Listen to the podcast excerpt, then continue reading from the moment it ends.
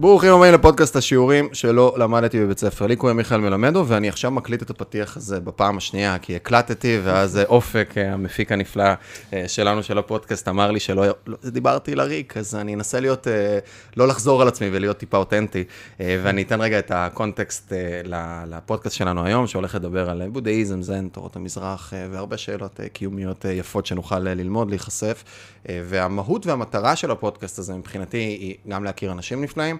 וגם להנגיש הרבה ידע שאולי אה, יעזור לאנשים אחרים לפתוח שאלות.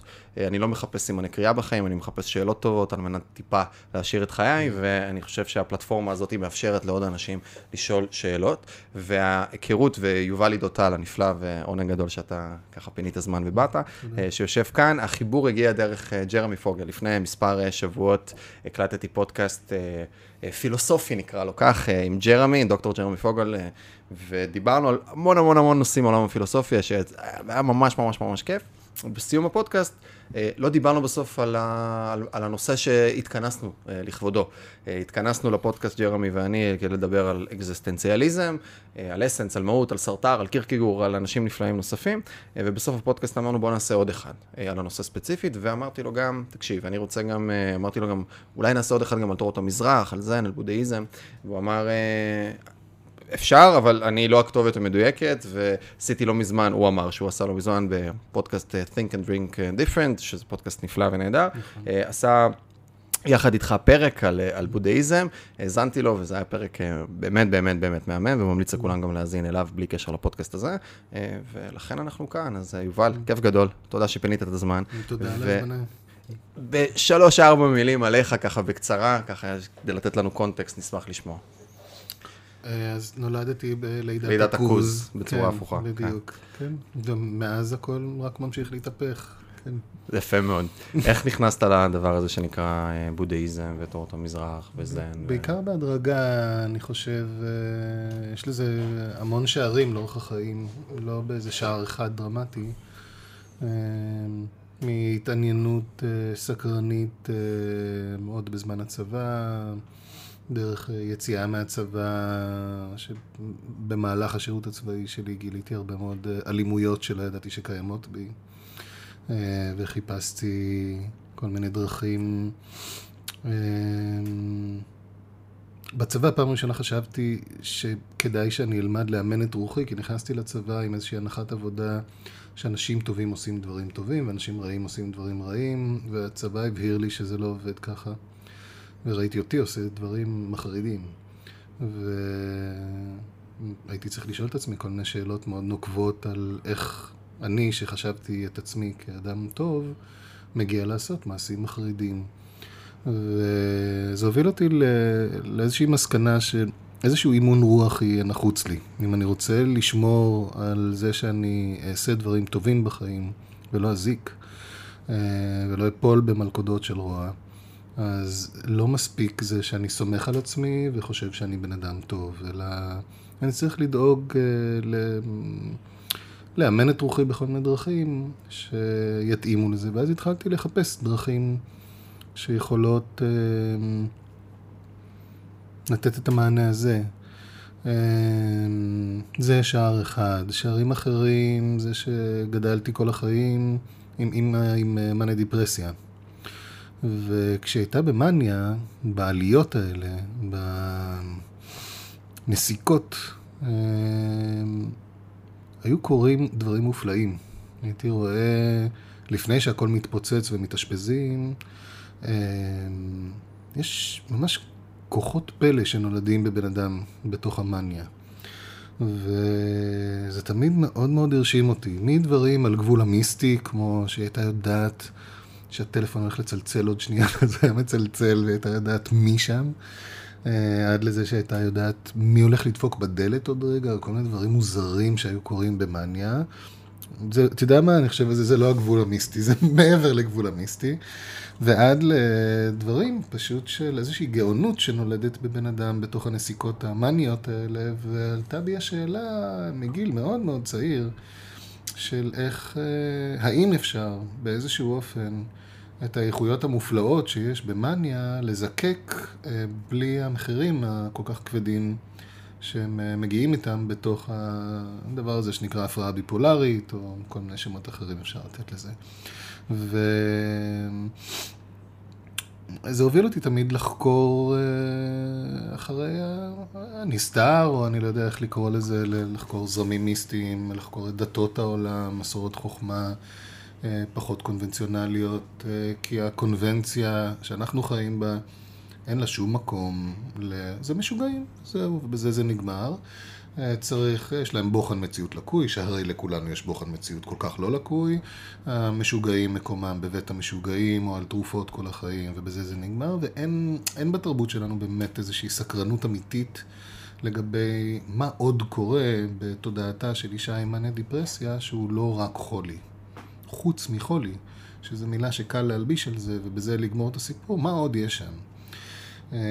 כי קשה לנו כבני אדם עם אה, חוסר ודאות או פתיחה של דברים, אנחנו רוצים לסגור ולהתקדם. בטח כשיש כל כך הרבה סבל. זאת, כן. זאת מחלה שהיא באמת כרוכה בהמון סבל, אני לא עושה פה איזושהי אידיאליזציה למאני דיפרסיה, תראו איזה יופי. כן. זו מחלה נוראית, היא סבלה בחייה סבל איום ונורא. באמת עברה דרך אה, גיהנומים, ושאתה ואני כנראה לעולם לא נעבור דרכם, אני מקווה בשבילך.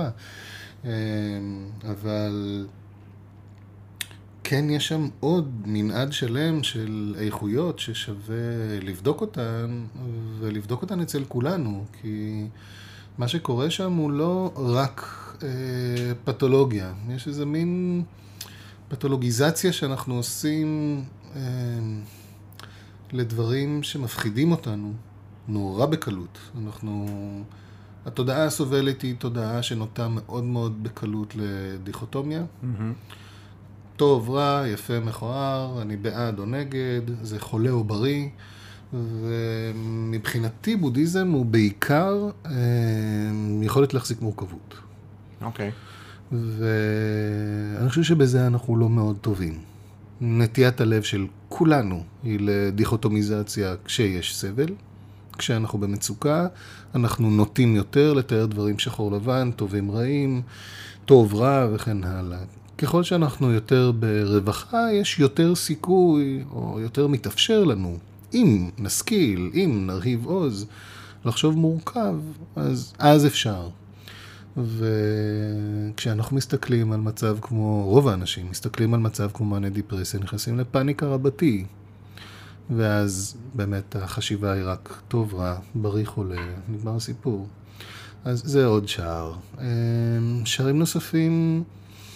אמ, יש המון חוכמה בבודהיזם ותמיד אה, סקרנה אותי חוכמה. אה, ויש אה, המון...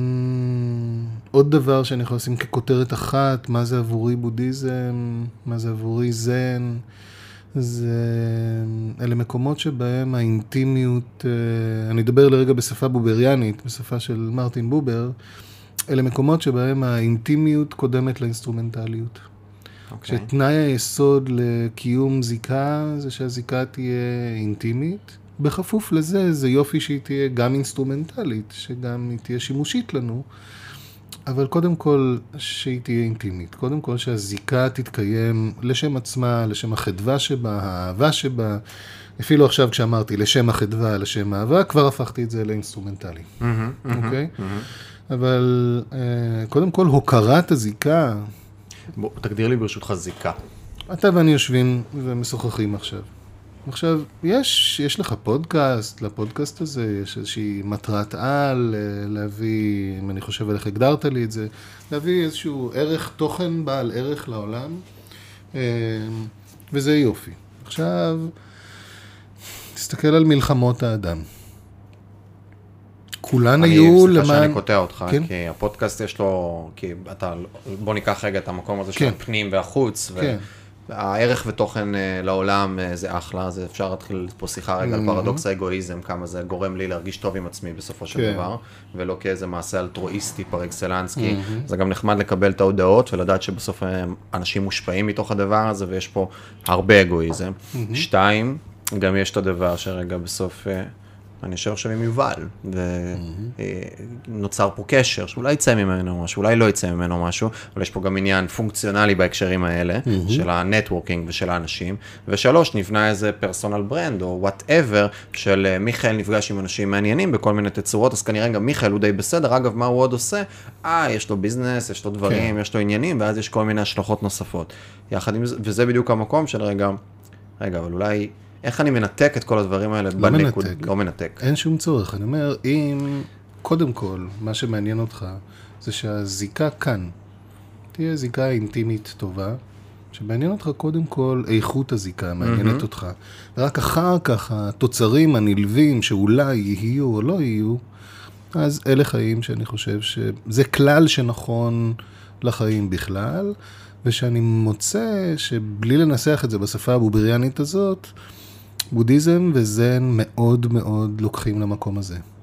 בודהיזם, דאואיזם וזן הם מקומות שבהם יש מין קריאה לקיום, קודם כל אינטימי. יפה הגדיר בובר, כשאמר אין שום בעיה לאינסטרומנטליות ולאינטימיות לדור בכפיפה אחת. אין, אין שום בעיה עם זה. אתה יכול אחר כך לעשות עם זה גם דברים שימושיים, לקריירה שלך, לפרנסה שלך, למיליון דברים. אה, לתחושה הטובה שלך מהקיום שלך. אבל אם אתה יכול לרמוס אותי בשם הדברים האינסטרומנטליים האלה, אנחנו בזירה לגמרי לגמרי אחרת. אם האינסטרומנטליות יכולה לתפוס קדימות לאינטימיות, שמתי לב מהתבוננותי בעולם שבתנאים האלה האינטימיות נובלת. אינטימיות, כל עוד היא ראשונה במעלה מבחינתך, היא תסבול כל סוג של אינסטרומנטליות, אפילו המילה תסבול לא רלוונטית כאן. היא תצליח לשאת אינסטרומנטליות בלי שהאינסטרומנטליות בהכרח תזיק לה. Mm-hmm. אבל אם האינסטרומנטליות חשובה לך יותר מהזיקה האינטימית, הזיקה האינטימית לא תשרוד. אם לך יש בת זוג, אתם משתמשים אחד בשני באלף דרכים. אז אתה הולך להביא חלב כשחסר, והיא הולכת להביא סיגרת כשחסר, ואתם מספקים אחד לשני את הצרכים המיניים שלכם ואת הצרכים הרגשיים שלכם. אבל אם אתה לא רואה אותה, כי אתה צריך סיפוק לצורך שלך ברגע נתון, אז ובאותו רגע היא הפכה להיות משנית בחשיבותה ברמה האינטימית, והפכה להיות ממלא הפונקציה שלה בראש ובראשונה, שם זוגות הולכים לאיבוד אחד לשני. שם נולדת זילות הזוגיות. אה, אבל אם האינטימיות בראש מעייניך, ועכשיו חוץ מזה, אתם גם משתמשים אחד בשירותיו של השני, זה תיארת כרגע יופי של זוגיות. Mm-hmm. ההיפוך של זה באופן מיידי, תנסה לחשוב על סקס שאתה עושה שימוש בזוגתך. קודם כל, נורא חשוב לך לעשות עכשיו סקס, אז אתה עכשיו צריך סקס, ועכשיו לא משנה באיזה מצב היא, אתה צריך עכשיו סקס. לא קל להבין איפה זילות הקשר במצב כזה. עכשיו תשליך את זה על כל דבר אחר. כן, התחלת להגיד מקודם מלחמות? כן, כשאתה מסתכל נגיד על מלחמות האדם, כולם, כמעט כולן, בשם אידיאולוגיה כלשהי שהיא חושבת שהיא אידיאולוגיה שוחרת טוב. בעיני עצמה אידיאולוגיה שוחרת טוב, הקומוניזם בעיני עצמו אידיאולוגיה שוחרת טוב, איסלאם אה, בעיני עצמו שוחר טוב, השם שלו זה שלום. אה, היהדות בעיני עצמה שוחרת טוב, הנצרות בעיני עצמה שוחרת טוב, ואני אומר בעיני עצמה לא כי זה לא נכון, אבל כשבשם הטוב יש יעדים שאנחנו רוצים להגשים, ובשביל היעדים האלה אנחנו מתחילים לרצוח ולטבוח בעמים שלמים, תסתכל על מסעות הצלב, תסתכל על, תסתכל על היטלר, היטלר מה הוא רצה? אוטופיה. כן. הבעיה הייתה שהוא, פשוט, החלום היה במקום אחד, ובשביל להגשים את החלום הזה היה צריך להשמיד מיליונים. וזה היה בסדר, כי זה אינסטרומנטלי להגשמת חלום. יש כאן שאלה שאני תמיד שואל את עצמי. אם אנחנו רגע נקרא את מקיאוולי, או אה, נתייחס רגע לדבר הזה של איך פוליטיקה באמת, בבפנוך כן. או בחדרים הסגורים, נראית למול איך היא מוצגת בחוץ, על מנת להציג איזושהי אידאה מסוימת שהעם יוכל להתחבר אליה ברמת ה, ברמה המוסרית בצורה כזאת או אחרת. שאלה אם בפרקטיקה באמת בכלל, אה, הרעיון כרעיון מטרתו לעשות טוב, או שהרעיון כרעיון מטרתו לגרום לאנשים לחשוב שיעשה טוב על מנת לשתות בדעת הקהל. כי אמרת קומוניזם. וגם. כן, זה כנראה גם וגם. אה, ונדמה לי, אמרו את זה חכמים ממני ולפניי, שיש יותר טמטום בעולם מרוע. אה, זה לא שאין רוע בעולם, וזה לא שאין ציניות, וזה לא שאין מקיאוולים שמסתובבים בעולם. מקיאוולי היה רק אחד מיני רבים. לא יודע כמה רע או פרגמטי הוא היה. לא, אני, אני, אני, אני, אני חושב ששוב, בהמשך למה שאמרנו לפני רגע על אינטימיות ואינסטרומנטליות, mm-hmm. להיות פרגמטי, בלי זיקה אינטימית עם אנשים, בלי לראות אנשים באיזושהי רמה מעמיקה יותר מאשר רק הרמה השימושית, אה, זה מבחינתי יופי של הגדרה לאיפה מתחילים עם רוע. ואם אתה שוחר טוב, אז אבני הבוחן שלך הן מאוד מאוד אחרות. ו... כשציבורים נגיד הם עבורך משהו להשתמש בו, אה, אתה, אתה כבר בשדה אתגר הרבה יותר אה, מורכב מאשר מישהו שפוגש מישהו, פשוט פוגש מישהו. אה, אני חושב שהרבה מאוד מהבעיה היא שאנחנו לא נפגשים, אנחנו נפגשים לכאורה. Mm-hmm. אנחנו לא באמת נפגשים. אמ, אנחנו עטויים בכל מיני מסכות אה, של אה, עצמי וזהות, וזה משהו שאנחנו רוצים להקרין החוצה, שאנחנו אה, דימוי עצמי שצריך למכור ולהקציע. אתה מכיר את השיר של ויסלבה שימבורסקה, כתיבת קורות חיים? לא. בוא אני אעלה אותו רגע, זה יהיה קל למצוא אותו. נקריא לך אותו, הוא די אומר הכל. הכל בשיר אחד. כן, אה, על, על, על הפער הבלתי נסבל בין אה, זהות לבין הצגת זהות. האלמנטים הסטטוסיוניים שאנחנו מציגים החוצה על מנת אה, לייצר כל מיני דברים למול מי שאנחנו באמת. השאלה מה זה אנחנו באמת. אופק, אנחנו צריכים פה כמו אצל ג'ו רוגן, דיברנו על זה, על ככה גוגל, מסך אה, טלוויזיה שמחובר ו... כתיבת קורות חיים. מה נחוץ? נחוץ לכתוב בקשה ולצרף לה קורות חיים. ללא קשר לאורך החיים, על הקורות להיות קצרות. תמצות העובדות ובחירתן הכרחיים. המרת נופים בכתובות וזיכרונות רופפים בתאריכים מקובעים. מכל האהבות, לרשום את הנישואין בלבד, ומהילדים רק את אלה שנולדו. זה שמכיר אותך חשוב יותר מזה שאתה מכיר. טיולים רק במידה ולחוץ לארץ. השתייכות למה, אך בלא הלמה. ציונים לשבח, בלי הנימוקים. כתוב כאילו מעולם לא דיברת עם עצמך, וכאילו עקפת עצמך מרחוק. התעלם מכלבים, חתולים, ציפורים, אזכרות נושנות, חברים וחלומות. מחיר ולא ערך, כותרת ולא תוכן. מספר הנעליים ולא היעד שאליו הולך זה שאמור להיות אתה. לכך יש לצרף תצלום באוזן גלויה, רק צורתה נלקחת בחשבון, לא מה שנשמע. מה נשמע? נהמת מכונות גורסות את הנייר. זה תרגום הנפלא של רפי וייכרט, שלדעתי הוא המתרגם העיקרי של שימבורסקה לעברית, אה, עושה עבודה פשוט מופלאה. ואני חושב שהשיר הזה מתאר את המצב הקיומי של כל בן אדם. את הפער הזה שהוא כל כך עמוק, תהום, שפעורה בין איך שאנחנו מציגים את עצמנו לבין מה שרוכש בנו. בין האני המתרחש לאני הביוגרפי. אני חושב שלהתאמן אימון בודהיסטי, ללמוד בודהיזם, להתאמן אימון זן בודהיסטי, ללמוד זן, זה,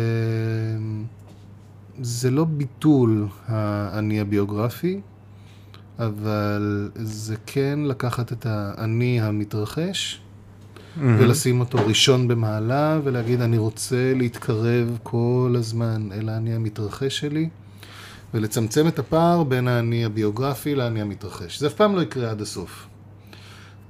איך שאתה מציג את עצמך ואיך שאתה מתרחש לא יכול להיות בתואם כי המילים לא מהירות מספיק בכלל ולא יעילות מספיק בשביל לחפון בתוכם את מורכבות ועושר הקיום שלך. כן. ואת ההשתנות הבלתי פוסקת שלו, וזה שהוא בהתהוות גומלין כל הזמן, גם עם דברים אחרים, הוא לא קורה בוואקום. זה לא אתה שקורה ומתרחש לבדך בעולם.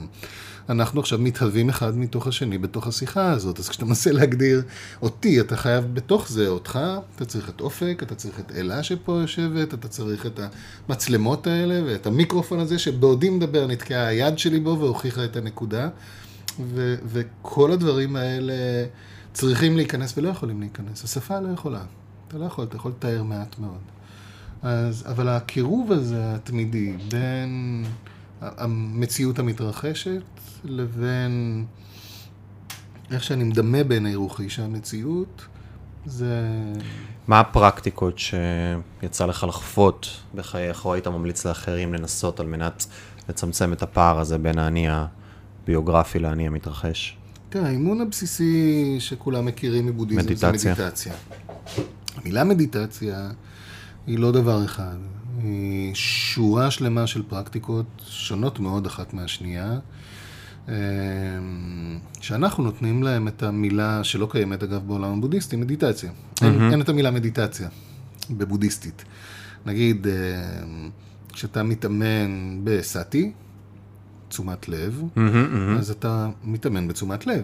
אתה לא מתאמן במדיטציית תשומת לב. מדיטציה זה הווייתך בעצם, בנוכחות. לא, המילה מדיטציה היא, במקור במערב זה הרהור. מדיטציה זה להרהר כן. עמוקות במשהו, to meditate. אה, אבל אין את הצימוד הזה בכלל. בשפות הבודהיסטיות, כשאתה מתאמן, אתה מתאמן בתשומת לב, אתה מתאמן בחמלה, אתה מתאמן בהשתוות, אתה מתאמן בכל מיני דברים. מה שהתכוונתי מקודם להגיד זה שכאילו, זה לא קטגוריה שנקראת מדיטציה, ואז לא. יש לך פרקטיקות, אלא זה נכון. פרקטיקות שעצמן הן בדיוק. המהות. נכון, בדיוק. אה, אבל מה שאם כן צריך לנסות להגדיר באיזשהו אופן מה האוגד, מה הגורם שמשותף לכל הפרקטיקות האלה, אולי אפשר להגיד כמה דברים. אחד, זה... כולן כרוכות באיזשהו אופן בהשעיית השיפוט ובהשעיית התגובה. השעיית השיפוט, כלומר, לבוא באיזשהו סוג של אי ידיעה, מה שהיוונים הקדמונים היו קוראים לו אפוכה. למשך זמן הבדיקה אתה לא יודע מה, מה הבדיקה תניב. חקירה אמיתית. להוציא את ה bias. כן. ולהוציא את ה bias, גם זה שאתה בא איתו מראש, וגם זה שיכול להיבנות תוך כדי. אמ, והדבר השני זה השעיית התגובה, זאת אומרת, מכיוון שאתה לא יודע מה זה בכלל, מה שאתה מסתכל עליו עכשיו, אז מניה וביה אתה גם לא יודע איך להגיב למה שקורה עכשיו. אם אתה מגיב, זה אומר אתה מגיב מתוך הידוע. אז אלה שני תנאים נגיד בסיסיים לקיום של מדיטציה, אם אני מנסה להסביר את זה במונחים של מה יחס בודהיסטי לצורת התבוננות שהיא מדיטטיבית. אז קודם כל זה יהיה שני ההיבטים האלה. דבר שני, וזה מובלע בתוך מה שאמרתי לפני רגע, זה שנגיד כשאנחנו חושבים על מדיטציה ומדיטציה בודהיסטית מעיניים מערביות, אנחנו מסתכלים על זה קודם כל כעל כלי לטרנספורמציה. אתה אומר, אם אני אעשה מדיטציה, אני אהיה בן אדם עם יותר אורך רוח, אני אהיה בן אדם עם יותר שקט, אני אהיה בן אדם יותר כזה, פחות כזה, וכן הלאה. אינסטרומנטלי. אינסטרומנטלי, לא שזה חטא, אבל כן. אה, מה שכן, מדיטציה היא קודם כל כלי לחקירה. עוד לפני הטרנספורמציה. החקירה היא הדבר הראשון שאתה עושה באמצעות מדיטציה. אתה חוקר את קיומך. אתה רוצה קודם כל להסתכל טוב יותר, לראות טוב יותר. זו התכלית. שמה המטרה? אמ, התזה הבודהיסטית היא ש... וזה ממשיך את מה שאמרתי קודם, mm-hmm. שיש יותר טמטום בעולם מרוע, זה שיש איזשהו מעגל אה, שאנחנו נתונים בו כולנו, שבו הקריאות השגויות שלנו את המציאות גורמות לנו להיאחז בדברים ולא להיות מסוגלים להרפות. ואז אה, זה גורם לאיבות מיותרות, אה, וככה נולד המון סבל מיותר בעולם. התזה היא שאף שהדבר הזה בלתי נמנע, ואנחנו לא יכולים לטהר את העולם מזה, אפשר שיהיה הרבה הרבה הרבה פחות מזה. יש משל שמספרים בבודהיזם על, אמ, על, על חץ ראשון וחץ שני, שאדם הולך ביער ויורים בו חץ. הוא מסתכל מסביב, הוא לא רואה מי ירה את החץ, בהיעדר מישהו לירות עליו בחזרה, כמו שהוא התרגל לחשוב שעושים כשיורים עליך חץ, זו ההתניה שלו, והוא מחפש על מי לירות בחזרה, הוא מסתכל על כף הרגל שלו, שבה תקוע החץ, שולף חץ מאשפת החיצים שלו, מכוון אל החץ שתקוע ברגל שלו ויורה עוד חץ. בודה מספר את זה לתלמידים שלו, שואל אותם מה פשר העניין, אין להם מושג מה פשר העניין, מסתכלים עליו בעיני עגל, אומרים לא יודעים, תסביר לנו. הוא אומר, מה אם אני אגיד לכם שכל יום זה מה שאתם עושים, זה מה שאנחנו כבני אדם עושים. אנחנו חווים מציאות כלשהי שמביאה לנו כאב, ובתגובה לכאב הזה אנחנו מוסיפים עוד כאב. עכשיו, אתה רוצה לקחת דוגמאות לאיך הנמשל של הסיפור הזה ביומיום שלך? אין יום שאתה לא תמצא עשרות דוגמאות לדבר הזה. אתה מאבד ארנק, ואתה מתחיל להלקות את עצמך על אובדן הארנק, איזה דפוק אני, איך איבדתי את הארנק, למה לא למדתי תשומת לב, אם הייתי לומד בודהיזם, היו מלמדים אותי תשומת לב, לא הייתי מאבד את הארנק, איזה טיפש, רק אני מאבד את הארנק, אף אחד אחר לא מאבד ארנק, איך יצאתי אני דפוק כזה, אבא שלי, אימא שלי, למה הם לא חינוך, אני יודע לאן אתה יכול להגיע עם הדבר הזה. אגב, להתרבות המחשבתית הזאת קוראים הבודהיסטים פפנצ'ה. פפנצ'ה זה איך התרבות... אתה זוכר את כל המונחים? עזוב אתה ספציפית. כי זה נגיד משהו, אה, וסליחה שאני קוטע אותך, אבל לא, אני מחזיר בבקשה. אותך לפפנצ'ה. כן. אה, אחד מהדברים, נגיד, שאני יודע על עצמי, אני טוב נורא בלהביא נרטיבים או קונספטים. Hmm. אבל אם עכשיו אני אה, אנסה, אני אצטרך ממש ממש ממש להתאמץ, ואני, ויש הרבה כוח בלייצר את העוגנים השמיים האלה, על מנת לייצר את התמונה בצורה בהירה יותר ולהפנים אותה באמת Mm-hmm. בצורה יותר עמוקה.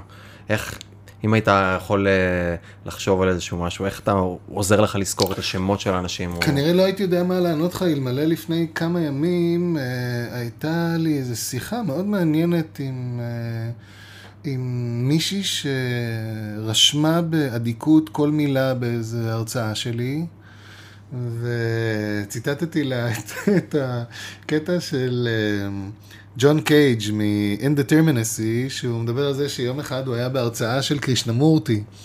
וקרישנמורטי דיבר עם הקהל, ולצידו ישבה אישה, כמוה, שישבה וכתבה הכל בדבקות, כל מילה. ואז קרישנמורטי אמר, "אה, אם אתם רושמים את הדברים שאני אומר, זה לא מאפשר לכם להקשיב. וג'ון קייג' מסתכל לימינו ורואה שגם את זה היא כתבה באדיקות. והוא פונה אליה ואומר לה, "אה, סליחה, גברתי, אה, שמעת מה הוא אמר עכשיו? והיא אומרת לו, רגע, והיא מסתכלת בדף, ואומרת לו, כן. הוא אמר, אם אתם כותבים עכשיו את מה שאני אומר, אז אתם לא באמת מקשיבים. אה, ו... וזה סיפור נפלא ומאוד מלמד, ואמרתי לה שבשנותיי באוניברסיטה, בהתחלה הייתי כותב הכל מאוד מאוד מאוד בקפידה. אה, בהתחלה אני מדבר על שבועות ראשונים. שמתי לב מהר מאוד אה, לחרדתיות שבאה עם זה, ולכמה זה מנתק אותי מחדוות אה, למידה, חדוות הקשבה, נוכחות. מהמם. ואז החלטתי לעשות אה, ניסוי, שהפחיד אותי מאוד אגב, אבל אה, עשיתי אותו בכל זאת, של לא לכתוב אף מילה, רדיקלי לגמרי, לא לכתוב בכלל, בכלל, בכלל, אלא להקשיב באמת, באמת, באמת. והתחלתי באמת, באמת, באמת להקשיב מה קורה בשיעורים, זה היה קל, הייתי בחוג ללימודי מזרח אסיה, היו לי מורים מופלאים, כל אחד יותר מהאחר, והתכנים היו סופר מעניינים, וככל שהקשבתי טוב יותר, דברים אה, נצרבו בי טוב יותר.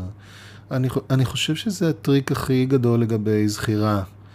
אה, ככל שאתה יותר אה, קשוב, מחובר עם מה שאתה מקשיב לו באותו רגע, עם מי שאתה מקשיב לו באותו רגע, אתה תזכור יותר, הדברים ייגעו בך, אז אתה תזכור אותם טוב יותר. המילה פפנצ'ה, שבה עצרנו כששאלת את רציתי השאלה... להגיד לך, אה, אפשר עכשיו לחזור לקפנצ'ה, מה שאמרת אז- מקודם. אז המילה אז- הזאת, לא, זה בסדר, אז זה... לא קפנצ'ה, פפנצ'ה. לא, לא, זה בסדר. המילה הזאת בעבורי היא משהו שעוזר לי לזקק את הראייה. זה שהגדירו תהליך של התרבות מחשבתית ממארת. מישהו שם לב איך עובדת תודעה. ואמר, קלטתם שיש את הקטע הזה שבו פתאום מחשבה אחת הופכת בשנייה אחת ליער שלם של מחשבות?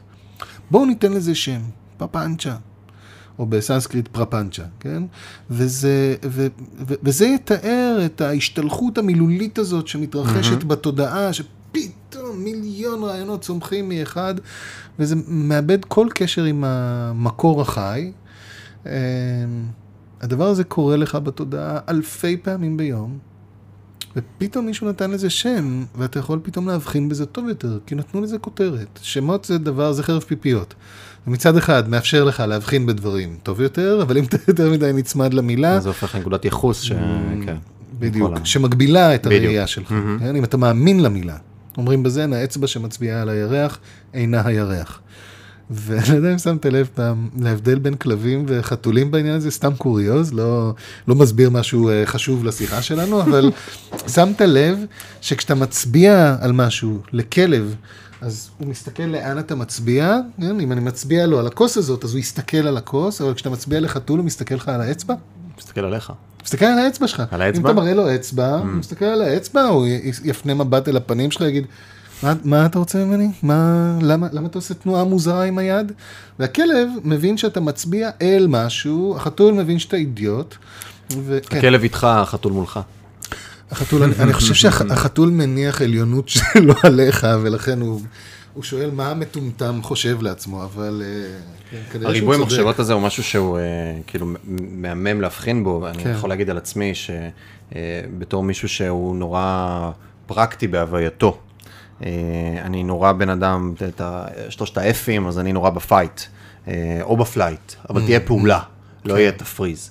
אז הזרם מחשבות הזה הוא משהו שתמיד היה מוביל אותי לאקשן מאוד מאוד מהר. ואחד מהדברים שלימדתי ואני עדיין מלמד את עצמי כל הזמן, זה למרות הרצון לתגובה מהירה והאימפולס לזוז ולייצר איזשהו, איזושהי התקדמות, אה, לייצר את הגאפ הזה כמה שיותר. ולהכניס איזשהו שלב עם עצמי של התבוננות במחשבה, שזה משהו שהוא הרבה פעמים לא, לא הוא, הוא לא טריוויאלי. זו מדיטציה, מה שתיארת. שהמחשבה היא, היא, היא מחשבה, והיא באיזשהו מקום, הרבה פעמים אנחנו בתוך תוכה. והרגע הזה שבו מייצרים את ההתבוננות מבחוץ על המחשבה, מאפשרת רגע בחינה של מה מקורה. בעצם עצם זה שאני מסתכל, אני מחוץ לסיטואציה ולא על הסיטואציה, זה מאפשר לי לייצר את ה-attach, disattachment מתוך הדבר, ואז לייצר איזשהו gap של קבלת החלטה מסוים, וזה משהו שהוא, שוב, אני ברמה האישית עם עצמי, אה, ובתור מישהו שבאופן יחסי בדברים שאני עוסק בהם, צריך לקבל הרבה החלטות והרבה החלטות מהירות, זה משהו שהוא אימון אה, יומיומי כן. בהקשר הזה. כן. אמ, אפשר להסתכל על זה כעל אה, להסתכל מבחוץ. אה, אפשר להסתכל על זה כעל להסתכל כל כך, כל כך, כל כך מבפנים, שאתה... העידון של הרזולוציות אה, גורם למבנים הגסים פתאום להיראות, אה, להיחשף ב... בגסותם. כשאתה מסתכל מתוך המצב הזה של פפנצ'ה, אתה פתאום רואה בתוכה את ההתרבות, היא מאבדת את הקרדיביליות שלה. היא כבר לא אמינה, היא לא מהימנה יותר באותו רגע. וזה לא, זה לא שיש דרך אחת יותר טובה להסתכל על זה מהשנייה, אני רק אה, מפנה את תשומת הלב לזה שכשאתה מסתכל מספיק מבפנים ומספיק מבחוץ על משהו, קורים דברים נורא נורא דומים. וכשאתה מדבר על להסתכל על משהו מבחוץ, באיזשהו ריחוק, אתה משתמש במילים של הבודה. הבודה מדבר על להסתכל על דברים בריחוק מסוים, אבל כשאני מסתכל על ההנחיות שלו אחר כך, איך לעשות את זה, הן הרבה יותר מסתדרות לי כלהסתכל כל כך, כל כך, כל כך מבפנים, שהפרספקטיבה משתנה. שההזדהות הזאת שאתה מדבר עליה, לא הזכרת את המילה, אבל זה בעצם סיכום של מה שאמרת טוב, יהיה שאתה פחות מזדהה עם המחשבות שעוברות בך, כן. אתה מסוגל להסתכל עליהן ולהגיד, המחשבות שלי הן לא אני. גם זה דבר שהבודה אמר בדומה לך.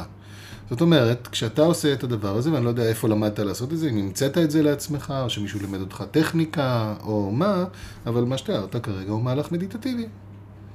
כל- יצא לי טיפונת אה, לשחק עם מדיטציה, ואני אומר לשחק כי אף פעם לא הצלחתי להתמיד בזה מספיק, אה, בכל מיני מנגנונים, אפילו לקחתי איזה כמה שיעורים פרטיים עם מישהו שהיה מגיע וממש היינו יושבים ועושים, וגם קצת שיחקתי עם אה, Headspace וכל מיני אפליקציות שעוזרות לי אה, יותר בז'אנר של המיינדפולנס, אה, לייצר אה, guided meditations בתפיסה, ואפילו יצא לי לעשות עם... אה, אה, עם חבר, עם שני חברים, נסענו לסופש אה, ליד הכנרת, ועשינו אה, ויפאסנה אה, יומיים וחצי. נהדר. ויפאסנה מלאה, אה, שזה היה לי אירוע פיזי לא פשוט, ואתגר אה, משמעותי, אבל אני לא יכול, אני דווקא, דווקא היכולת שלי, שאני עוד מן הסתם עובד עליה ויש לי דרך ארוכה, אה, להסתכל מבחוץ על סיטואציה, דווקא אני לא חושב שהתהליכים המדיטטיביים, שהרבה פעמים הם מנותקים מה-day to day, אלא הם יותר, זה...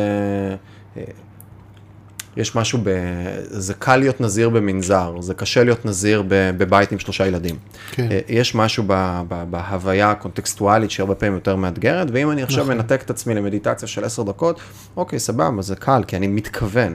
ה- ה- מרגיש לי ברמה האישית שלי עם עצמי, כן? שהאתגר האמיתי הוא במהלך היום, כשאני בלחץ עם הרבה מאוד דברים שאמורים לקרות, לה- להצליח לייצר את ה headspace הרלוונטי הזה, את הגאפים האלה בין, בין אה, אה, אירוע למחשבה לפעולה, ולייצר את המרווחים האלה שעוזרים לי, ו- ואת זה... ויותר מה-Headspace, לייצר את, ה, את המרחב הבין לביני, בינך לבין זולתך, בינך לבין העולם, של לגמרי. זיקה מדיטטיבית, ולא רק שמדיטציה זה המשהו האוטיסטי הפנימי שקורה אצלך. לחלוטין. כן. אז אני, אני מסתכל על זה ברמה בשני מישורים. אחד, אה, זה מין סוג של כלי פרגמטי, פונקציונלי עבורי לקבלת החלטות טובה יותר, ואני כל הזמן משתדל לשאול את עצמי מה הייתי יכול לעשות אחרת על מנת, ואני זיהיתי ומזהה כל הזמן שכשאני מייצר את המרווח הזה, אז זה קורה וזה פתאום הופך להיות משהו מודע. ושתיים, אה, אני חושב שזה איזה שהם עקרונות ותובנות אה, חיים שיצא לי ללקט מהרבה אנשים אחרים, זרקנו ככה מקודם אה, סטואיזם ועולמות נוספים של, אה, גם אמרת מקודם מדיטציות, אז הרהורי מחשבותיו של מרקוס אורליוס בספר שלו, ואנשים נוספים, זה בדיוק המקום הזה של לייצר עוגנים ועקרונות ואמונות חיים שעל פיהם אני חי, ואני יכול להגיד היום שגם אם אני לא אשים לב לאותה פפנצ'ה, פפנצ'ה? כן, כן. לא קפנצ'ה, פפנצ'ה. פפנצ'ה. לאותה, אם אני אשים לב לאותה פפנצ'ה עכשיו, אה, ואני אראה את הענן הזה שמתרבה, בסדר, והופך להיות פתאום ענן גדול, כן. כנראה שה sequence מחשבות שירוץ בפנים, הוא לא יהיה sequence מחשבות שלילי, כי העקרונות והאמונות שהשרשתי כבר בתוך עצמי, יושבים על כל מיני אזורים אחרים, שכבר הופכים את הדבר על הזה. זה לא הייתי בונה. אה, אבל אולי ניקח רגע שני צעדים אחורה רגע. אתה אומר שמה שלימדו אותך זה פרקטיקות מיינדפולנס, ויפאסנה. אה, מה שאנחנו קוראים לו ויפאסנה הוא בכתבים הבודהיסטיים מתואר כהכנה לויפאסנה ולא ויפאסנה. ויפאסנה עצמה זה המצב התודעתי אוקיי. שאתה נמצא בו, ומה שאנשים בדרך כלל קוראים לו ויפאסנה זה לפרוצדורות כן, המקדימות. הפרוצדורה המדיטטיבית של לשבת ולנשום והניטשה ולהרגיש. התבוננות כן, בנשימה, התבוננות, התבוננות בתחושות הגוף, סריקה של הגוף, יש כל מיני דברים שבכתבים העתיקים שמתארים את הפרקטיקות, אה, זה הכנה לויפאסנה. אלה הדברים שיכולים להוביל בסופם למצב שבו אתה מתבונן התבוננות ויפסנאית. כן.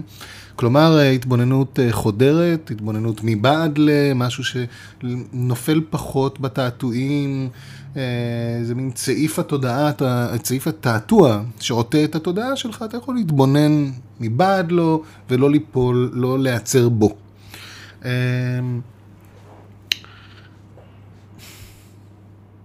זו לא הפרקטיקה המרכזית שאני מתאמן בה, אלה פרקטיקות שהתאמנתי בהן הרבה שנים, מתאמן בהן מעת לעת גם בשנים האלה. הן מהוות בערך 20% מהאימון שלי. שרק כדי לקבל קונטקסט, האימון שלך הוא כמה זמן ביום, בשבוע? אני מתאמן כל יום, אני מתאמן כמה פעמים ביום, זה בדרך כלל נסכם לבין שעה וחצי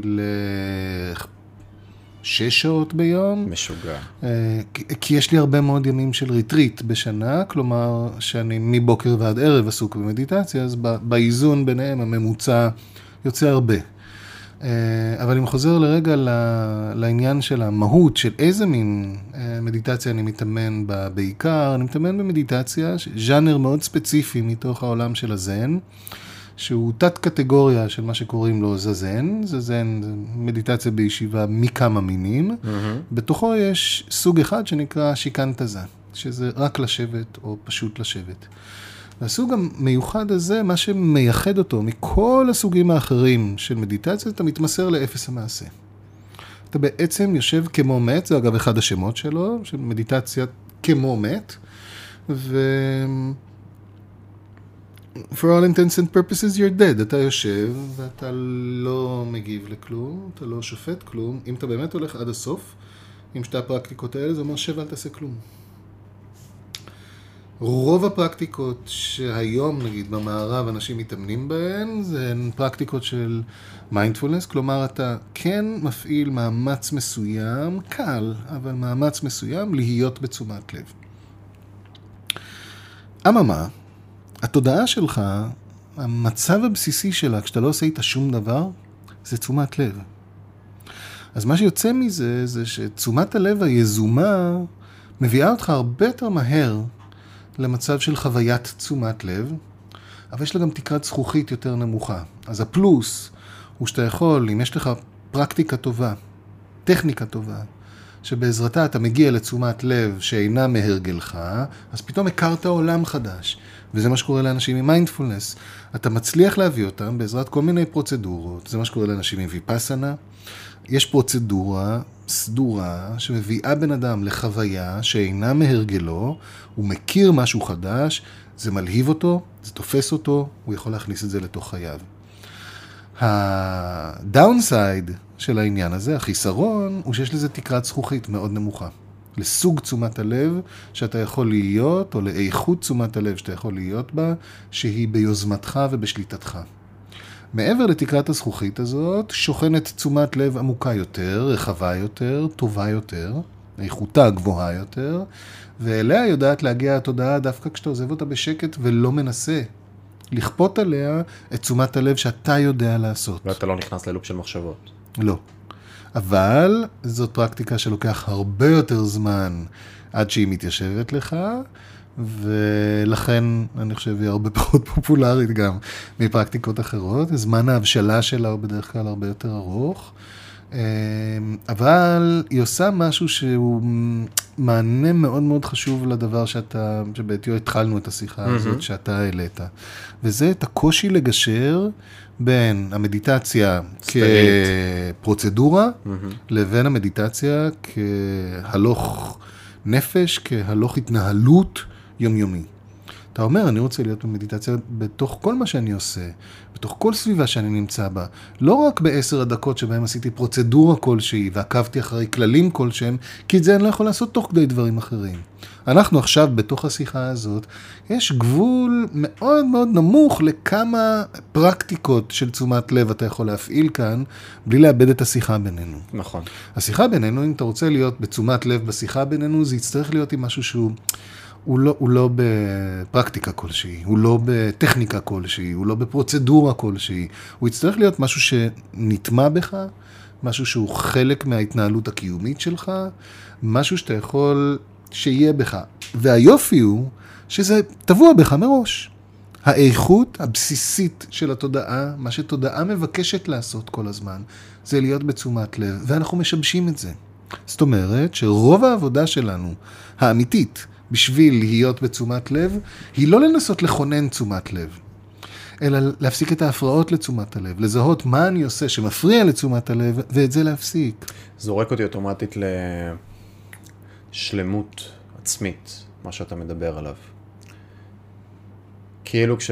תסביר, כי המילה שלמות תמיד מפחידה לי נורא.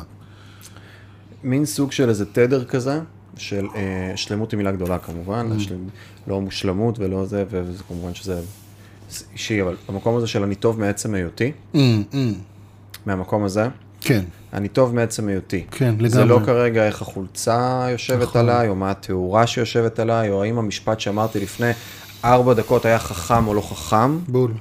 והמקום הזה הוא מקום שהוא סופר סופר סופר סופר לא פשוט, להגיע אליו לאיזושהי הוויה עצמית של שלמות, בהגדרה שלי שוב, זה, כן, נורא... אה, אה, מתחברת לך המילה נינוחות, איזושהי נינוחות קיומית. נינוחות קיומית שמתיישבת על הרבה דברים, על הרבה אמונות, על כן. סל אמונות רחב, שאם שוב אני מסתכל רגע על הווייתי ואמונותיי כמיכאל, אה, מאוד מושפע מה, מה, מהסטואיזם ומתפיסות של ס- סטואיזם ואקזיסטנציאליזם וגישה מסוימת לחיים ש... אין באמת משמעות למעט הפרשנות העצמית שאנחנו מכניסים לתוך דברים, אה, ואז זה מוריד לי כמה גרמים של משקל מהדברים שאני עושה, בגישה שלי. אה, אדישות מסוימת והבנה ואיזו תחושה אמיתית אה, של יהיה בסדר, משהו עמוק יותר, בהסתכלות והפחתת החרדות השונות. אה, הפחתת הדרמה. הדרמה, החרדות, הפחדים העתידיים מכל מיני דברים שיהיו, כי כבר נוצרה איזושהי הוויה אנרגטית של אני די יודע להסתדר, אז יהיה בסדר למול כל מיני דברים, וגם אם עכשיו נראה שלא, אם אני יוצא רגע אה, בפרספקטיבה של 30 אלף רגל, אז הבעיות שלי הן לא כאלה. אירוע, ויש הרבה מקומות אחרים שקצת יותר מאתגרים, ובסוף גם כדור הארץ הוא ואם, ואם אתה מדבר דבר. על ההשראה שלך מהסטואיקנים, אז עבור הסטואיקנים גם... אתה חלק מטבע, ואתה רוצה למצוא את מקומך בתוך הטבע הזה, אתה רוצה להבין מה מקומך בעולם, ולפעול בהתאם, לפעול עם הטבע ולא בניגוד לטבע. זאת אומרת, זו גישה גם שהיא גישה מאוד אקולוגית, היא גישה מאוד לא אגוצנטרית. וגם עם הבנה שאין לי באמת שליטה על דברים. נכון. מצד שני, משהו פרדוקסלי שאני בגישה שלי עם עצמי, אני חי ב extreme ownership, אז אני לוקח 100% אחריות על כל סיטואציה, מה שמאפשר לי לפעול, אבל עם איזו צניעות קיומית של הבנה של אני לא משפיע על כלום ואני יכול לרדת פה למטה ופתאום ייפול לי פסנתר על הראש ונגמר הסיפור ולא הייתה לי שליטה על הדבר הזה, וכהוא זה. אז השתי תובנות האלה שהן כביכול לא מתיישבות בקנה אחד ולא באמת בהלימה של מצד אחד אני ב-100% אחריות על סיטואציה, מצד שני אין לי שליטה על שום דבר, מאפשרות לי לחיות עם איזשהו תדר מסוים שמאפשר לי קצת לא הבנתי לנקות. איפה הסתירה. נשמע לי ממש לא סותר בשום צורה כן.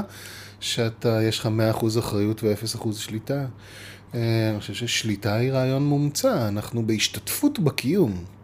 השתתפות בקיום זה, זה יופי של מילה לגשר בין שני הדברים. אני מאוד אוהב את המילים שאתה משתמש בהן. כן, השתתפות בקיום. כן, תראה, אם אתה חושב על זה מפרספקטיבה של השתתפות איפה הסתירה? השתתפות בקיום. אהבת, איזה חמוד. כן, מרקרתי. אני רואה, רואים כן, את לא, לא, את כן, כן. הברק בעיניים. השתתפות בקיום, נו. כן. דיברנו מקודם על מילים ועל המשמעות נכון. שלהם, ואיך... זה אחד מהדברים שמאוד היה חשוב לי, אני פותח סוגריים של... כן. כשהתחלתי להיכנס רגע לעולמות של אה, חקר עצמי ושאלות, אז נורא היה חשב, חשוב לי לייצר, אה, אגב, ממקום תת-מודע, תת-מודע שבא במודע. Mm-hmm. אם אני אסתכל על המחברות הראשונות שהייתי הולך להרצאות ומקשיב לדברים והכל, אז יש כזה דברים שהייתי כותב, Mm-hmm. אה, כמו הבחורה שיושבת שם עם הזה.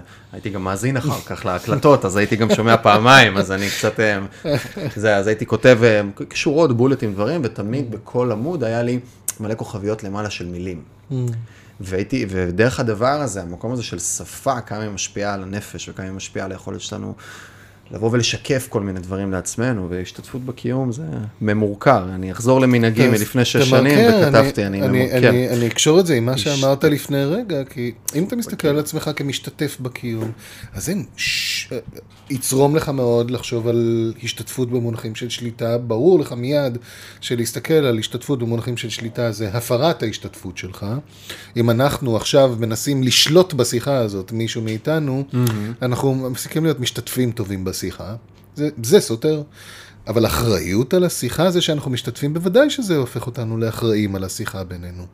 אז עמדה כזאת קיומית של השתתפות, אני חושב שזה יופי של מילה להגדיר את העמדה הבודהיסטית, הזן בודהיסטית, ליחס בין אדם לבין הקיום. אני חושב שלא בכדי, כשדיברת עם ג'רמי ועם עצמך על איך לקיים את השיחה הזאת, אמרת, אני רואה קשר בין בודהיזם לבין, וזן, לבין גישות אקזיסטנציאליסטיות וגישות של הסטואיקנים. אני חושב שבצדק אתה מקשר בין הדברים, יש המון מן המשותף.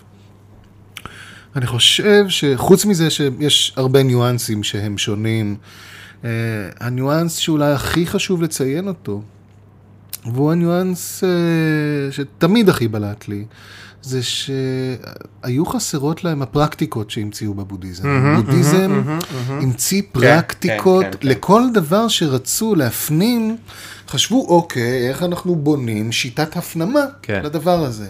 הפנמה לא במובן של להפנים, להבין. לא להבין, בדיוק. לחוש, הפנמה, לחוש ולבצע. אומרת שה- להשתתף בקיום. נכון, להביא את זה לכך ש... זאת אומרת, אם אתה מתאמן בחמלה, אז השאלה היא לא רק איך להרגיש חמלה, השאלה היא לא רק איך לראות את הדברים מפרספקטיבה של חמלה, אלא מה זה מעשה חומל, אתה רוצה להתאמן בעשייה חומלת, לא להתהדר בנוצות של אני חש חמלה. אה, חמלה אגב, ב- ב- ב- בסמנטיקה שלה, ב- השורש שהיא גזורה ממנו הוא שורש של פעולות בכלל, לא של רגשות. כן. לא.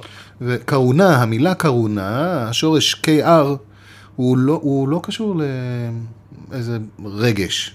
זה שורש שמדבר על פעולות, על אה, דברים שאתה עושה. חמלה עושים בבודהיזם, חמלה לא, זה לא עמדה רגשית ביחס למשהו. איך אני אז- חומל? אה, תסביר. מה זה אומר כאילו פעולה?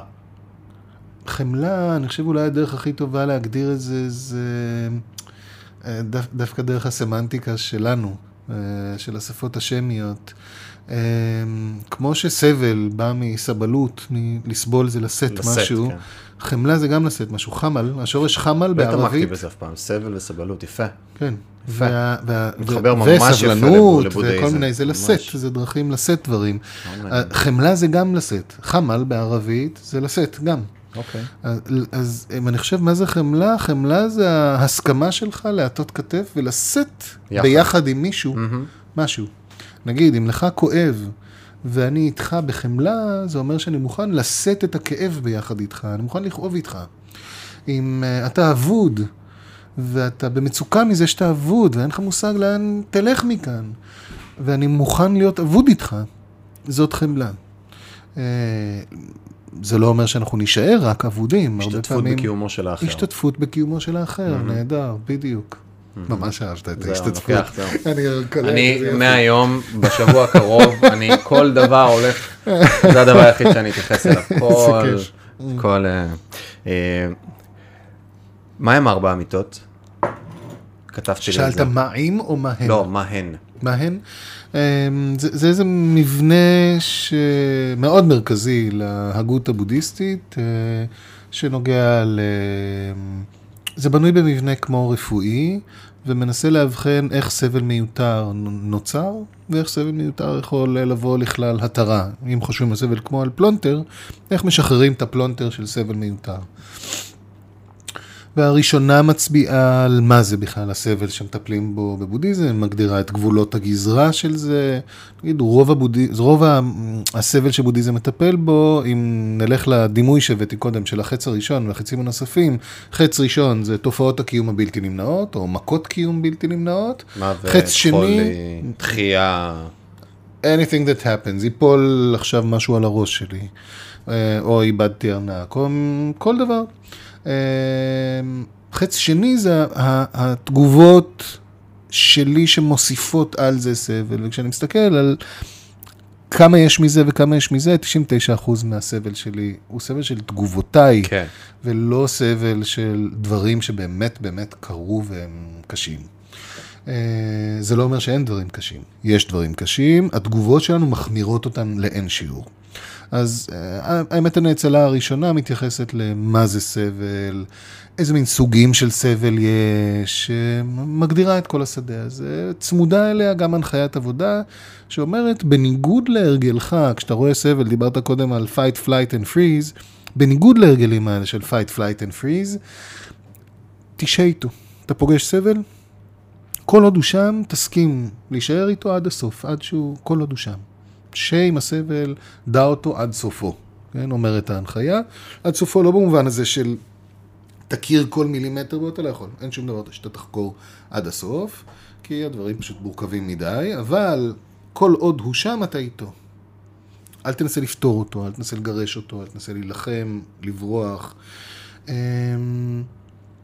אמ, האמת הנאצלה השנייה נוגעת למקורות של הסבל, לסיבות של הסבל, איך הוא נולד. במילה אחת זה היצמדות, אני נאחז במשהו ולא מוכן להרפות, שהיצמדות יכולה להיות מנכסת או הודפת. כן? בכל מקרה, המילה להיצמדות היא מילה שמצביעה על איזושהי התקשרות קיומית. משהו שאיבד את הגמישות שלו, איבד את האלסטיות שלו, היחס שלך עם דברים, מאבד אלסטיות, מאבד גמישות, אתה נהיה נוקשה ביחס למשהו, ושם אתה מתחיל לייצר סבל מיותר. האמת הנאצלה השלישית אומרת, אם הבעיה היא שהתקשחת, שנאחזת, שאתה קפוץ על הקיום, אז הפתרון לזה זה תרפה. תעזוב את הקפיצות הזאת, תניח לזה. שזה נורא קל להגיד, מה זה אומר בפרקטיקה. בגלל זה, באמת הנאצלה הרביעית, פורסים לך את מה שנקרא דרך שמונת הנתיבים. האמת הנאצלה הרביעית היא מרגה, דרך, שזה אומר ש... דרך שמונת הנתיבים, כלומר שמונה שדות חיים, שבהם עכשיו יש הסברים מפורטים יותר לאיך אתה עושה את זה בשמונה שדות קיום שונים. הם מחולקים לשלוש קבוצות. קבוצה אחת היא קבוצה של חוכמה, קבוצה אחת היא קבוצה של הלכי נפש או מדיטציה, וקבוצה שלישית היא קבוצה של מוסר. אז במוסר אנחנו נמצא דיבור נכון, ופעולה נכונה, ופרנסה נכונה, או אורח חיים נכון, ובמדיטציה הנכונה אנחנו נמצא קשב נכון, וריכוז נכון, ומאמץ נכון, ובתוך החוכמה אנחנו נמצא התכוונות נכונה, mm-hmm. ונמצא השקפות נכונות. Mm-hmm. ו... ו... ובתוך כל אחד מהם יש עכשיו עיון מאוד מאוד מעמיק באיך עובדים עם זה, וזה יהיה שונה בין זרמים שונים בודהיסטיים, איך ניגשים. אה, ממה מתחילים, ומה ממשיכים, איך מתייחסים, זה כבר יהיה שונה מבודהיזם לבודהיזם, ויש המון בודהיזמים. זה אחד הדברים היפים בבודהיזם, וזה לא מקרי, זה משהו יזום. הדבר הראשון שעושה, שקורה עם בודהיזם אחרי מותו של הבודה, הבודה מפקיד את, אה, את הטיפול בשירים שלו בידי איש בשם מהה קשיאפה. ומהה קשיאפה עושה מעשה מופלא בהיסטוריה של מסורות החוכמה. בהודו של אותם הימים נהוג שמה שעושים עם השירים של המורה, זה שמים אותם, קוברים אותם בסטופה, מין גלעד כזה, אה, ומי שמנהל את הסטופה, הוא בעצם ממשיך הדרך, בידו האמת. כן. מהה קשיאפה נותן את ההנחיה לפזר את שיריו של הבודה בשמונה סטופות שונות, mm-hmm. בשמונה קצווי הודו, כדי שאיש לא יוכל לומר בידי האמת. אז בעצם האקט הראשון, אחרי מות המורה הדגול, מכונן הדרך, זה לזרוע פולמוס בקהילה, לא לייצר דרך אחת לראות את הדברים, להגיד לא, נראה אותה בכל מיני דרכים. ואת הדבר הזה אפשר לראות עוד בשיחות של אננדה, תלמיד מאוד קרוב של הבודה, שמדבר עם הבודה לפני מותו, הוא נורא מודאג מה יהיה אחרי מותו של הבודה, הוא אומר, מה יהיה אחרי מותך? אתה לא מפחד שתידרדר הדרמה? הוא אומר, תידרדר הדרמה. כמו כל דבר, היא תשתנה גם. גם התורה שלי לא פטורה מהאלמנט הזה של השתנות, שכל הדברים בקיום לא פטורים ממנו, וזה בסדר, שתשתנה תורתנו. כן, הגישה הייתה והתפיסה שזאת לא אמת מוחלטת, אלא אמת מתפתחת? יש עוד בתקופה הרבה יותר מוקדמת, לא על ערש דווי, שואלים התלמידים של הבודה, אומרים לו, אתה אומר לא להיאחז בשום דבר. איך להתייחס לתורה שלך? גם בא לא להיאחז? הוא אומר, תתייחסו לתורה שלי כמו לרפסודה. נגיד שאדם מגיע אל גדת נהר, והוא מסתכל על הנהר הזה, והנהר גועש ועמוק מכדי שהוא יוכל לצלוח אותו בשחייה או ברגל. והוא מסתכל מסביב והוא רואה ענפים וגזעים ועשבים, והוא מתקין מכל אלה רפסודה. ועכשיו הוא צלח את הנהר בעזרת הרפסודה. ושואל אותם הבודה, מה עליו לעשות עכשיו? האם עכשיו מי שצלח את הנהר והוא בגדה השנייה, עליו לזנוח את הרפסודה או לשאת אותה על גבו? אמרו לו, בוודאי שלא לשאת אותה על גבו על היבשה, זה ישבש את צעדיו ולא יאפשר לו להגיע במקום למקום. אז הוא אומר להם, אז ככה אני מבקש לנהוג בתורתי. התורה שלי באה לעזור לצלוח נהרות שקשה לצלוח בלעדיה. זה לא אומר שאתם צריכים לשאת אותה על הגב כל הזמן. זה, זה דבר מדהים בהיסטוריה של מסורות החוכמה, שהאב כן. המכונן של דת אומר על הדת שלו, אומר, תקשיבו, אתם לא צריכים להיות דוסים. אל תהיו דוסים. אל תהיו כל הזמן לחשוב על הכל רק דרך בודהיזם, והכל אתם צריכים להיות בודהיסטים כל רגע, וכל דבר צריך להיות בודהיסטי. לא, תחיו. be a student, not a follower. יופי של, אה, כן. אמ, רק בשביל שלא נפתח פה איזה, איזה רעיונות שגויים לגבי מה קרה בכל זאת עם בודהיזם, בודהיזם הפך להיות דת עם דוסיות ככל הדתות. אמ, מה שאני אומר כאן כרגע הוא לא רוב מה שקורה בבודהיזם, כמו רוב מסורות החוכמה בעולם, לא היינו יותר מדי טובים בלהקשיב למה אמר המורה. כן? כמו שישו הטיף בעיקר אהבה. כן. מסעות הצלב היו מחבקים מאוד. אני חושב שהוא היה די אה, מזדעזע אם היה רואה את מסעות הצלב. היה מחבקים מאוד. לאן לקחתם את מה שאמרתי? מה, אתם פסיכיים? בשביל זה הפכתי שולחנות בבית המקדש? הגישה וההסתכלות רגע על בודה היא באנלוגיה לישו, או באנלוגיה יותר לאיזה אריסטו כזה, או איפשהו באמצע? גם וגם, אני חושב שאין סתירה, אני לא בטוח בכלל שהייתי... כשליחו של, כי אמרת דת, אז בוא, כן. בוא אולי נרחיב על זה ברשותך טיפונת, כי זה לא פילוסופיה סטורית. אה, אתה מבדיל בין אריסטו לבין ישו, כי ישו שליחו של האל? לצורך העניין, יש מיסטיקה מאחורי, ויש איזושהי... גם מאחורי אריסטו בעיניי יש מיסטיקה. היחס שלו למתמטיקה הוא מיסטי לגמרי. לא, אבל... בסדר, אבל כן. זה רגע פרשנות אנושית, לצורך נכון. העניין, בתוך אותו הקשר, כן. כשבהסתכלות על, על, על, על מה שנבנה מישו זה שהכל... תראה, אנחנו מדברים על דת...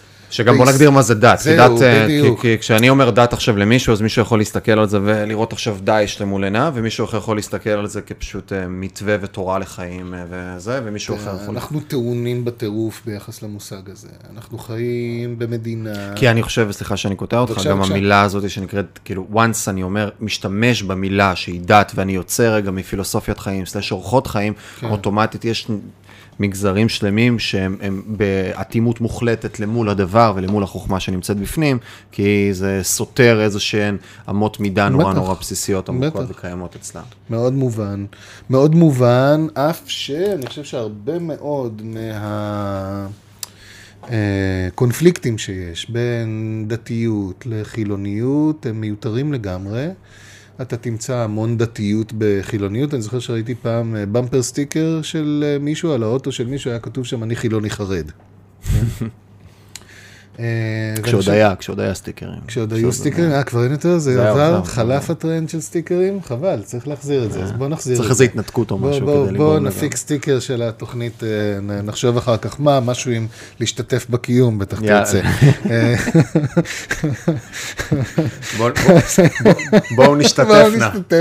נשתתף נא. כן. אבל אה, אני חושב שחילוניות יכולה להיות דוסית לגמרי, בדיוק כמו שדתיות יכולה להיות דוסית לגמרי. בן אדם יכול להיות חילוניסט חרד, לא בצחוק, לא כבמפר סטיקר שבא להצחיק, או שבא להגיד אני חרד לקיומנו כחילונים, או לא משנה מה ניסה לעשות הסטיקר הזה. אה, אנחנו יכולים להיות נוקשים סביב כל דבר. ואנחנו גדלנו בישראל כשיש פה קונפליקט בין דתיים לבין חילונים, שבו הדתיים מרגישים מאוד מאוימים מהחילונים, והחילונים מאוימים מהדתיים, קבענו איזה סטטוס קוו, ואנחנו כולנו נורא חרדים מבכלל לגשת לשיח בינינו, כי נראה לנו שהכל נורא נורא נורא נפיץ. נדמה לי שהחרדה מלשוחח עוד יותר מזיקה מאשר uh, הדברים שחוששים שיקרו בתוך השיח. אנחנו חיים בתוך עולם שבו הדת היחידה שאנחנו מכירים היא מונותאיסטית. דתות מונותאיסטיות מתנהגות מאוד שונה מדתות שאינן מונותאיסטיות. מהמם, אתה. מסתכל על הודו, על ריבוי האלים שיש בהודו וריבוי הדתות שיש בהודו, והקונפליקט הרציני ביותר שיש בהודו, הבין דתי, הוא בין אסלאם, שהוא דת מונותאיסטית ומאוד נפוץ בהודו, לבין דתות הודיות אחרות. אבל דתות הודיות בעיקר מאוד ידעו להסתדר אחת עם השנייה. ההבנה שאפשר... פלורליזם, להס- גישה, בדיוק, כן. זה, זה מוליד פלורליזם, זו גישה שאומרת, הרבה פעמים, גם כשדתות אה, היו במאבק אחת עם השנייה, והיו בתחרות אחת עם השנייה, אה, הרבה פעמים הניצחון היה ניצחון על ידי הכללה. לא ניצחון על ידי דחיקה או דיכוי, אלא. אלא נגיד, סתם, אני אתן דוגמה, הבודהיסטים היו איום מאוד מאוד גדול על מאמיניו של האל וישנו. מה עשו? הפכו את בודה להיות עוד אבטאר של וישנו, עוד התגלמות ארצית של וישנו, ובזה פתרו את העניין. אמרו. טוב, זה התגלמות של וישנו בסך הכל, כן? ובזה פתרו את העניין. זה יותר מורכב מזה, כן, אני כן, קצת כן, עושה. את זה פשטני. אבל זאת אה, תפיסה אינקלוסיבית ולא אקסקלוסיבית. הדתות המונותאיסטיות תפיסה לקו משתנה תמים- גם. כן, שגמישה לצורך העניין. שגמישה להשתנות דתית, כן. השתנות דתית היא לא כזה איום כי שם כמו ביהדות, אצלנו. אה, כן. אם ניקח יהדות נצרות, אז אה, הופעתו של ישו זה פיצול הדת לאמת אה, חדשה, ולא שוב, הכללה. יהדות היא לא, תראה, באותה הסדרה שיצא בודהיזם מבוא קצר, של מפה ואוניברסיטת תל אביב ביחד, יצא שזה ספר, ספר שאתה כתבת. כן, אה, יצא, אה, הספר על יהדות לא נקרא יהדות, נקרא יהדויות, נורא אהבתי את זה. שבכותרת, אה, חגי דגן בחר לקרוא לזה יהדויות. ו... כי באמת כשאתה מסתכל ואתה אומר, האמירה שאתה אמרת עכשיו היא נכונה לגבי חלק מהיהדויות, ויהדויות אחרות לא הסתכלו על זה ככה. Uh, התחרות בין הדתות המונותאיסטיות, האופנים שבהם הסתכלו על דברים, היו מאוד, uh, מאוד ספציפיים, מאוד שונים אחד מהשני גם. כשאתה מסתכל על זה, גם לנו ממש כדאי לאמץ עמדה פלורליסטית ביחס ליהדות, אבל אנחנו לא מאוד טובים בזה. אה, יהיה מעניין לראות מה קורה עכשיו. יש לנו עכשיו פתאום במשרד הפנים, אחרי המון המון המון שנים, יושבת תפיסה דתית חדשה, יחס חדש לדת, יהיה מאוד מעניין לראות מה יקרה שם. אה, אני לא בטוח בכלל שמה שיקרה שם יהיה מרנין, כי שמתי לב, ואני אומר את זה עכשיו לצורך השיחה שלנו, אה, שזה לא מה האידיאולוגיה אומרת שיקבע איך היא תתנהג, אלא איך אתה מתנהג עם האידיאולוגיה הזאת שיקבע איך האידיאולוגיה תתנהג. אתה יכול לבוא עם האידיאולוגיה הכי יפה בעולם ולהוליד רשע. זה לא קשור זה למה האידיאולוגיה אומרת, אלא בסופו של דבר לאיך אתה מתנהל בקיום שלך. אז אני חוזר רגע ברשותך, מה מגדיר את הבודהיזם כדת? או מה ההגדרה של דת בהקשר של בודהיזם? אני לא, אני לא בטוח שזאת תהיה הגדרה נכונה לבודהיזם. אמ, הבודהיזם, איך שקורא לעצמו, זה דרך. יש לי אמונה מיסטית גדולה יותר מתוך הדבר הזה, רגע, רק שנייה, יש השם בסינית נגיד. יש שתי מילים שמשמשות לבודהיזם. אחת זה דאו, דרך, והשנייה זה פא, שיטה. אז האופן שבו הם מגדירים את עצמם, לא דרך העיניים שלנו, לא דרך הביטויים שלנו של דת. האופן שבודהיזם מגדיר את עצמו בכתבים הסינים, לדוגמה, זה או כדרך או כשיטה. Mm-hmm. עכשיו, בואו נסתכל רגע על הדברים דרך איך שהם מגדירים את עצמם, לא איך שאנחנו כופים עליהם הגדרות שאצלנו נהוגות בתור ההגדרות העיקריות. אם אתה קורא לזה דרך, פתאום זה בכלל לא נכנס בשיח הדתי כאיום. אם אתה קורא לזה שיטה, גם אז זה לא נכנס בתור איום. אה, אם אתה תקרא לזה דת פה, בישראל, 2021, נכנסת לשדה קרב. לחלוטין. כן. ולכן אני חושב שאין שום סיבה להגדיר בודהיזם כאן כדת, בטח לא כשאני מסתכל מה התופעות שיש היום בישראל שהן בודהיסטיות. אה, רובן לא אמוניות, ולכן מהבחינה הזאת זה לא יהיה מתאים לקרוא להן דת. הן רובן מאוד מעשיות, לפעמים מעשיות לזרה, לפעמים בא לך להקים מרוב כמה שזה מעשי. אה, כש... לא יודע, בעלים של חברה רוצה לנצל את העובדים שלו יותר טוב, אז הוא מזמין סדנת מיינדפולנס כדי שהוא יוכל לסחוט מהעובד שלו עוד קצת תועלת. אמ, זה קצת בא להקיא מכמה פרקטי זה, אבל זה גם קצת מרגיע במובן הזה שאף אחד לא מחפש, אני, אני לא מכיר אה, בודהיזמים מודרניים בישראל שמבקשים אה, להמיר אנשים אה, מדתם כן. או משהו כזה. וזה למה סבבה כן. להביא ל... לחברת סטארט-אפ שלי מישהו להעביר סדנת מיינדפולנס ופחות יתאים להעביר, להעביר רב עכשיו או מיסיונר נוצרי כזה. אני אגיד לך יותר מזה, מוסדות המדינה שוכרים את uh, שירותיי ללמד אנשים. מדינת ישראל משלמת לי כדי ללמד אנשים פרקטיקות שיכולות לעזור להם במקומות העבודה שלהם. Mm-hmm. והדבר הזה, אילו היינו באים עם הכובע הדתי, לא היה תופס בחיים, ובצדק, היה, היו אומרים, אם אתם מנסים להמיר את דתם של אנשים, להגיד להם, תפסיקו להיות יהודים, תתחילו להיות בודהיסטים, רק שאין שום סיבה. בודהיזם הוא לא משהו שדורש ממך כן. באיזושהי צורה לבחול במערכת האמונות שאיתה גדלת. יש לי תלמידים חרדים ותלמידות חרדיות, בשום צורה זה לא מהווה בעיה. לא נתקלנו מעולם בבעיה. מעניין.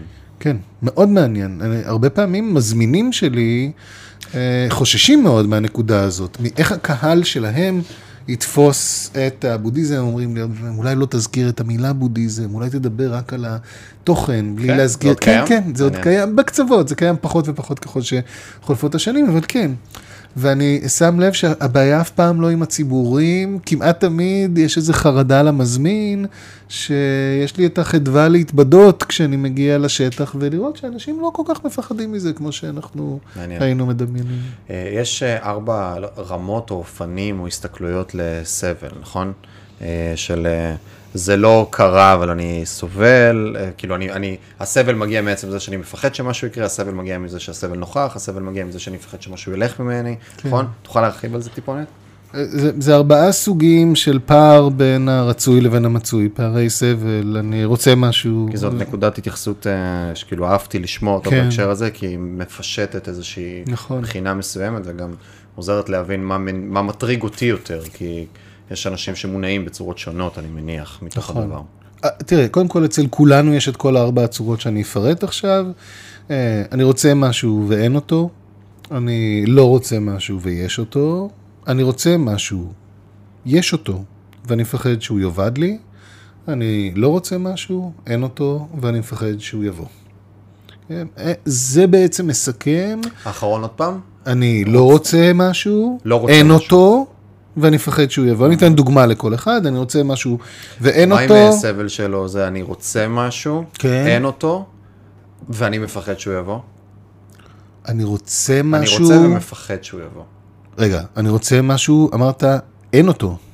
אין אותו, כן. ואני מפחד שהוא יבוא דווקא. אבל אם אתה רוצה אותו, אז למה אתה מפחד שהוא יבוא? בהקשרים של הרבה פעמים אנשים אה, מפחדים לעשות פעולות מסוימות ממקום של פחד מהצלחה. תן לי דוגמה, של, אה, דוגמה, מחייך. אה, למשל, אני אה, השכיר ואני רוצה להפוך להיות עצמאי. כן. ואז אני, אני רוצה להפוך להיות עצמאי, אבל כן. תכלס אני לא עושה את זה, כי אם אני אהפוך לעצמאי זה יגרום להרבה דברים לקרות, שאולי אני לא רוצה את התוצר מה- הנלווה מה שלהם. לדוגמה? חשיפה לצורך העניין, שינוי מסוים באורחות חיי, אז- שעות עבודה עמוקות. אז ככה, יותר. אז אני רוצה להיות עצמאי ואני לא.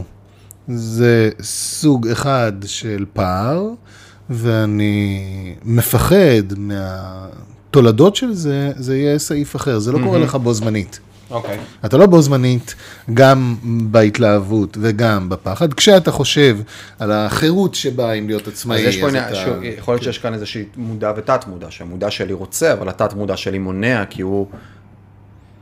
בעיניי, להניח את זה מיותר ומכניס אותך לפלונטר שאתה לא חייב לפלנטר.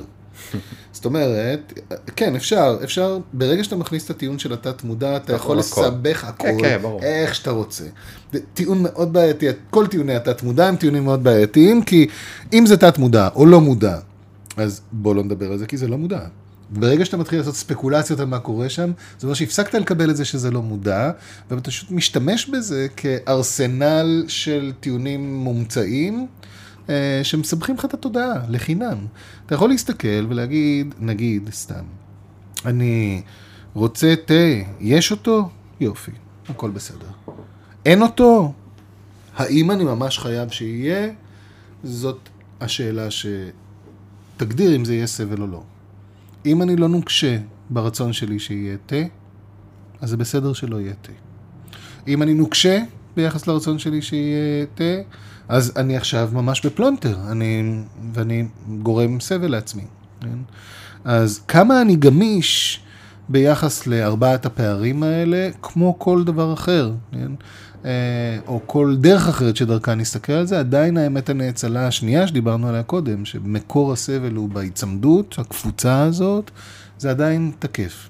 הרביעייה הזאת עוזרת לך להבין טוב יותר את הבנאליות של הסבל שלנו. כשאתה מסתכל על זה דרך הארבעה האלה, אתה אומר, fuck, זה מטורף, כמה זה פשוט הסיפור הזה. כן. ממה אנחנו בעצם סובלים? אנחנו סובלים מזה שאנחנו רוצים משהו ואין אותו, אנחנו לא רוצים משהו ויש אותו, אנחנו רוצים משהו, יש אותו ואנחנו מפחדים שהוא ילך, אנחנו לא רוצים משהו, אין אותו ואנחנו מפחדים שזה יבוא. That's basically it. זה כל הסבל שאתה חווה, כל הסבל שכל בן אדם, איפשהו בעולם הזה חווה, נכנס לאחת מארבע הקטגוריות האלה. כשאתה מסתכל על זה ורואה את הבנאליות של זה, זה עושה גם, לי לפחות, זה עושה לי מוטיבציה לראות את, ה, את הרצון לפעול למען ה, המקום הטוב שבו לא סובלים שלא לצורך. אה, זה עושה את זה הרבה יותר attainable, זה עושה את זה הרבה יותר פשוט ליישום. כשאתה מסתכל כמה בנאלי, איך שאנחנו בונים סבל מיותר, לחלוטין. אתה אומר, זה, אז, אז זה גם הרבה יותר פשוט ממה שחשבתי, לא לי, לבנות את הסבל. אתה אומר לי את זה וזה. מקפיץ לי איזה משהו שהיה, עכשיו סבל זו מילה גדולה למה שאני הולך לתאר, אז אני כבר מייצר את אז ה... אני כבר אגיד לך מראש שזו לא מילה גדולה, כי אחד הדברים הכי יפים בבודהיזם בעיניי, זה שמסתכלים על המנגנון ואומרים זה לא משנה, זה מקטן, נכון, נכון, זה ספקטרום, מסכים, מסכים, מסכים. מנגנון. כן. היה לי לא מזמן לאימא שלי היה יום הולדת, ולקחתי אותה למסעדה.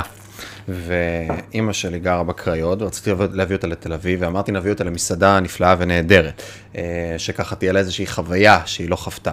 אה, המסעדה שרציתי לקחת אותה אליה הייתה טייזו, המסעדה שאתם אה, תכף הולכים אליה, ועוד הייתה עוד מסעדה נוספת, ולא היה מקומות, זה היה חמישי בערב. והצלחתי לקחת מקום במסעדה אחרת, לא אגיד את שמה עכשיו. ואז במסעדה ההיא שהגענו, אנחנו מגיעים, ואנחנו מקבלים תפריט, אנחנו מקבלים תפריט, ואני רואה שהכל בנאלי להחריד, ושכאילו היינו יכולים גם לאכול נורא נורא קרוב אה, בקריות, ואני, אני כאילו פחות עניינתי את עצמי בסיטואציה, אלא יותר החוויה שאני כרגע רוצה לייצר לאימי.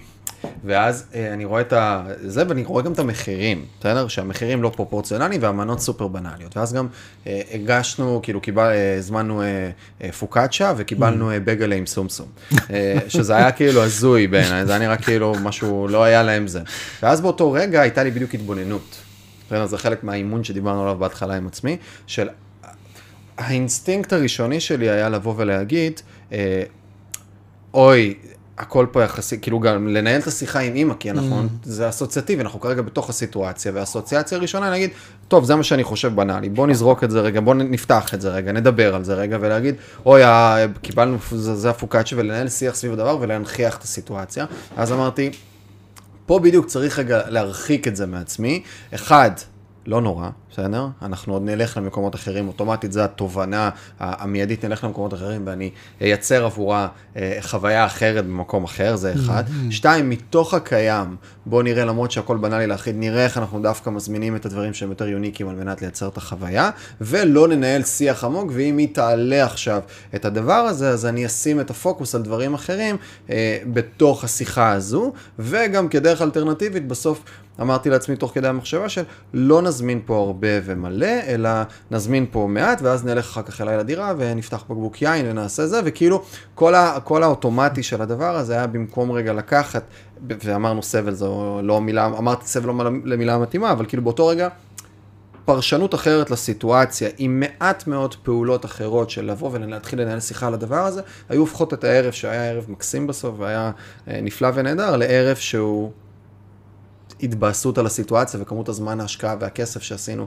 על מנת לבוא ולשבת באותה ארוחה. אה, וזה בדיוק המקום הזה, רגע שלי עם עצמי, של במקום להיות בפלואו אוטומט למול הדבר, אלא לחשוב רגע על הסיטואציה ואיך לנהל אותה בכמה צעדים הקרובים. אז קודם כל איזה כיף לאמא שלך שיש לה בן שכל כך אכפת לו לעשות לה חוויות טובות. אה,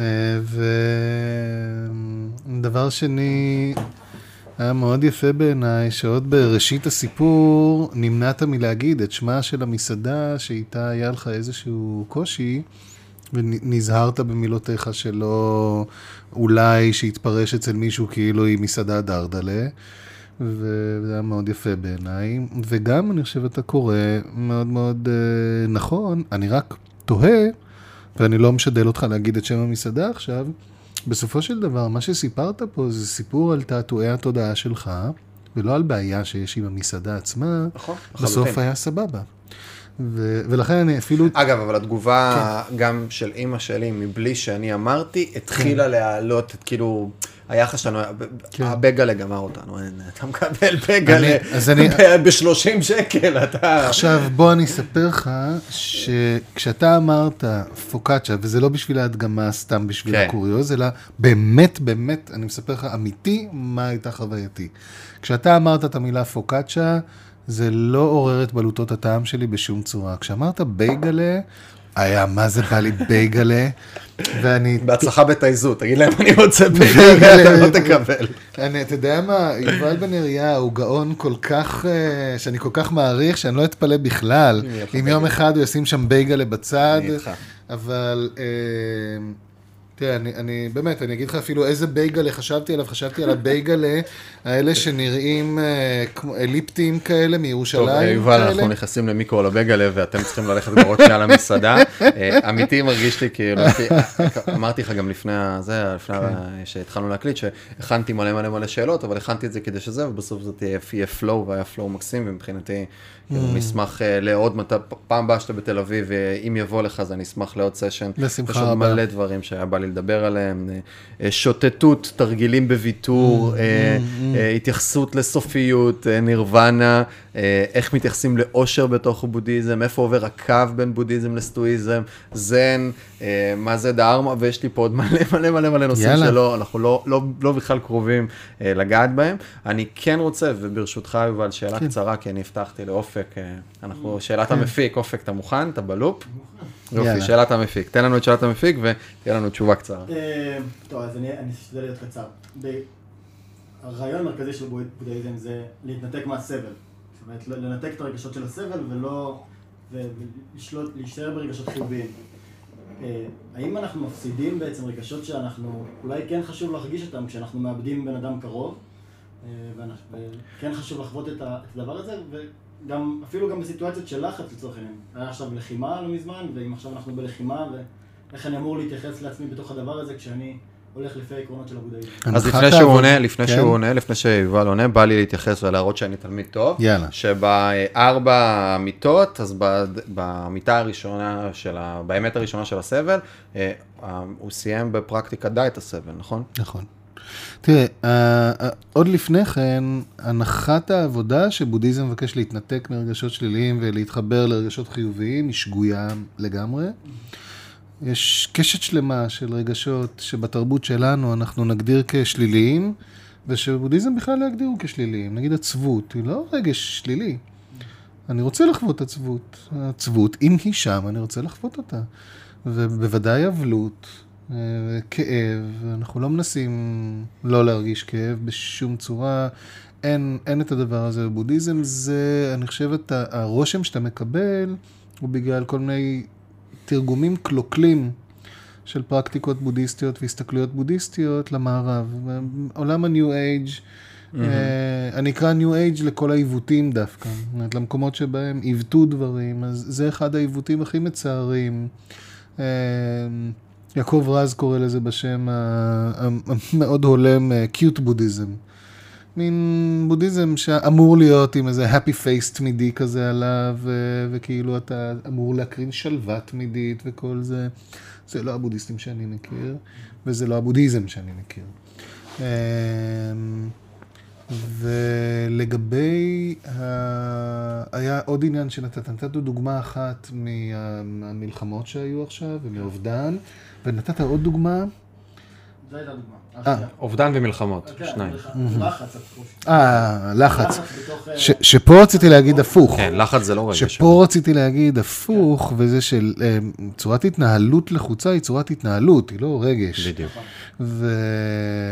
ואתה לא רוצה לפעול בצורה לחוצה, ואם אני אתן רק דוגמה אחת מהסמוראי ביפן שהתאמנו בפרקטיקות בודהיסטיות, התאמנו בדיוק כדי לא לפעול בצורה תגובתית מתוך לחץ, הם ראו את הערך שיש בפרקטיקות המדיטטיביות הבודהיסטיות, כדי להכניס באמת את אזור החיץ הזה בין האוטומט שמבקש לפעול, לבין משהו שאולי נדבר עליו פעם הבאה שניפגש, שנקרא טבע בודה, או, או תודעה ריקה, משהו שהוא ראשוני יותר מהאוטומטים שלך התגובתיים, ולשם שאף הסמוראי להגיע. הלוחם הטוב, הוא פועל באיזשהו סינכרון עם הסיטואציה, שהוא לא מונע על ידי אוטומט לחוץ, אלא עושה את מה שנחוץ באותו רגע. אגב, בתוך זה, אם אתה מדבר על לוחמים בודהיסטים, אז הלוחם הבודהיסטי יבקש לא להגיע למצב שהוא נוקט באלימות אם אין צורך. בסדר? אז יובל, קודם כל היה לי כיף, ושמחתי תודה לך. מאוד להכיר, ותודה על היותך ועל השתתפותך בקיום. ו- ולהגיד אה, גם אה, בנימה הזאת שמרגישים את דרך הווייתך והמילים והדברים שאתה עושה, את הקשב שלך ל- לסיטואציה ולנוכחות, וראיתי את זה בערך חמש או שש פעמים היום. מזה שלפני שהתחלנו להקליט, אז אמרתי לך שתהיה את שאלת העורך, ואמרת, אוי, איזה יופי, קיבלת אצלי הרבה נקודות, שהבנת את המשמעות שלה מאחורי, של ה... כאילו, לא, לא, קצת פחות אגו, לתת לעוד אנשים מקום וזה, וגם על המסעדה ששמת לב שלא אמרתי את השם של המסעדה, וגם על הזה, וזה כאילו מראה את הקשב שיש לך, לא רק לתוכן עצמו, אלא גם להקשר שלו ולמשמעות, ש, שלראות את הבן אדם שנמצא מולך, לא רק את המילים הנאמרות, אלא גם האדם שמולך, וזה משהו שהיה מקסים לראות, ואני חושב שזה שזור בכל הפרק הזה שהקלטנו, ובהווייתך ונוכחותך, אה, ו... אה, אני ממליץ לכולם גם uh, את הספר שאני, האמת לא קראתי עוד ואני אקרא אותו, uh, בודהיזם מבוא קצר, שפעם הבאה אתה תביא לי אותו גם. תראה, לזה. אותו, ניתן לך כבר היום, כן. ואמרנו גם, יש לו את אה, פסיכודרמה וטאו-תרפיה, נכון? שני מקומות שאפשר לבוא ולפגוש אותך נכון. בקורסים כאלה ואחרים ובקונסטלציות כאלה, וכמובן גם להזמין לכל מיני הרצאות, מקומות נוספים, אה, לפנות בפייסבוק בצורה ישירה. Mm. בכיף.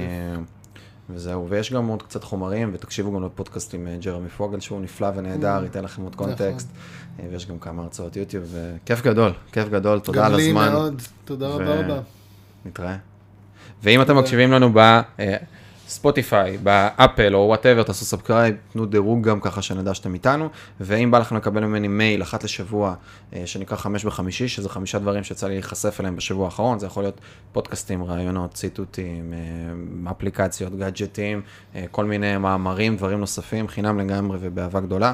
מוזמנים לחפש בגוגל חמש בחמישי, לרשום את המייל שלכם ולהירשם, או אם אתם צופים בנו ביוטיוב או באיזשהו מקום אחר, יש מצב שיש איזה לינק, תירשמו, בלי מכירה, בלי איזשהו משהו, איזושהי אג'נדה, אלא איזושהי נתינה. נתראה.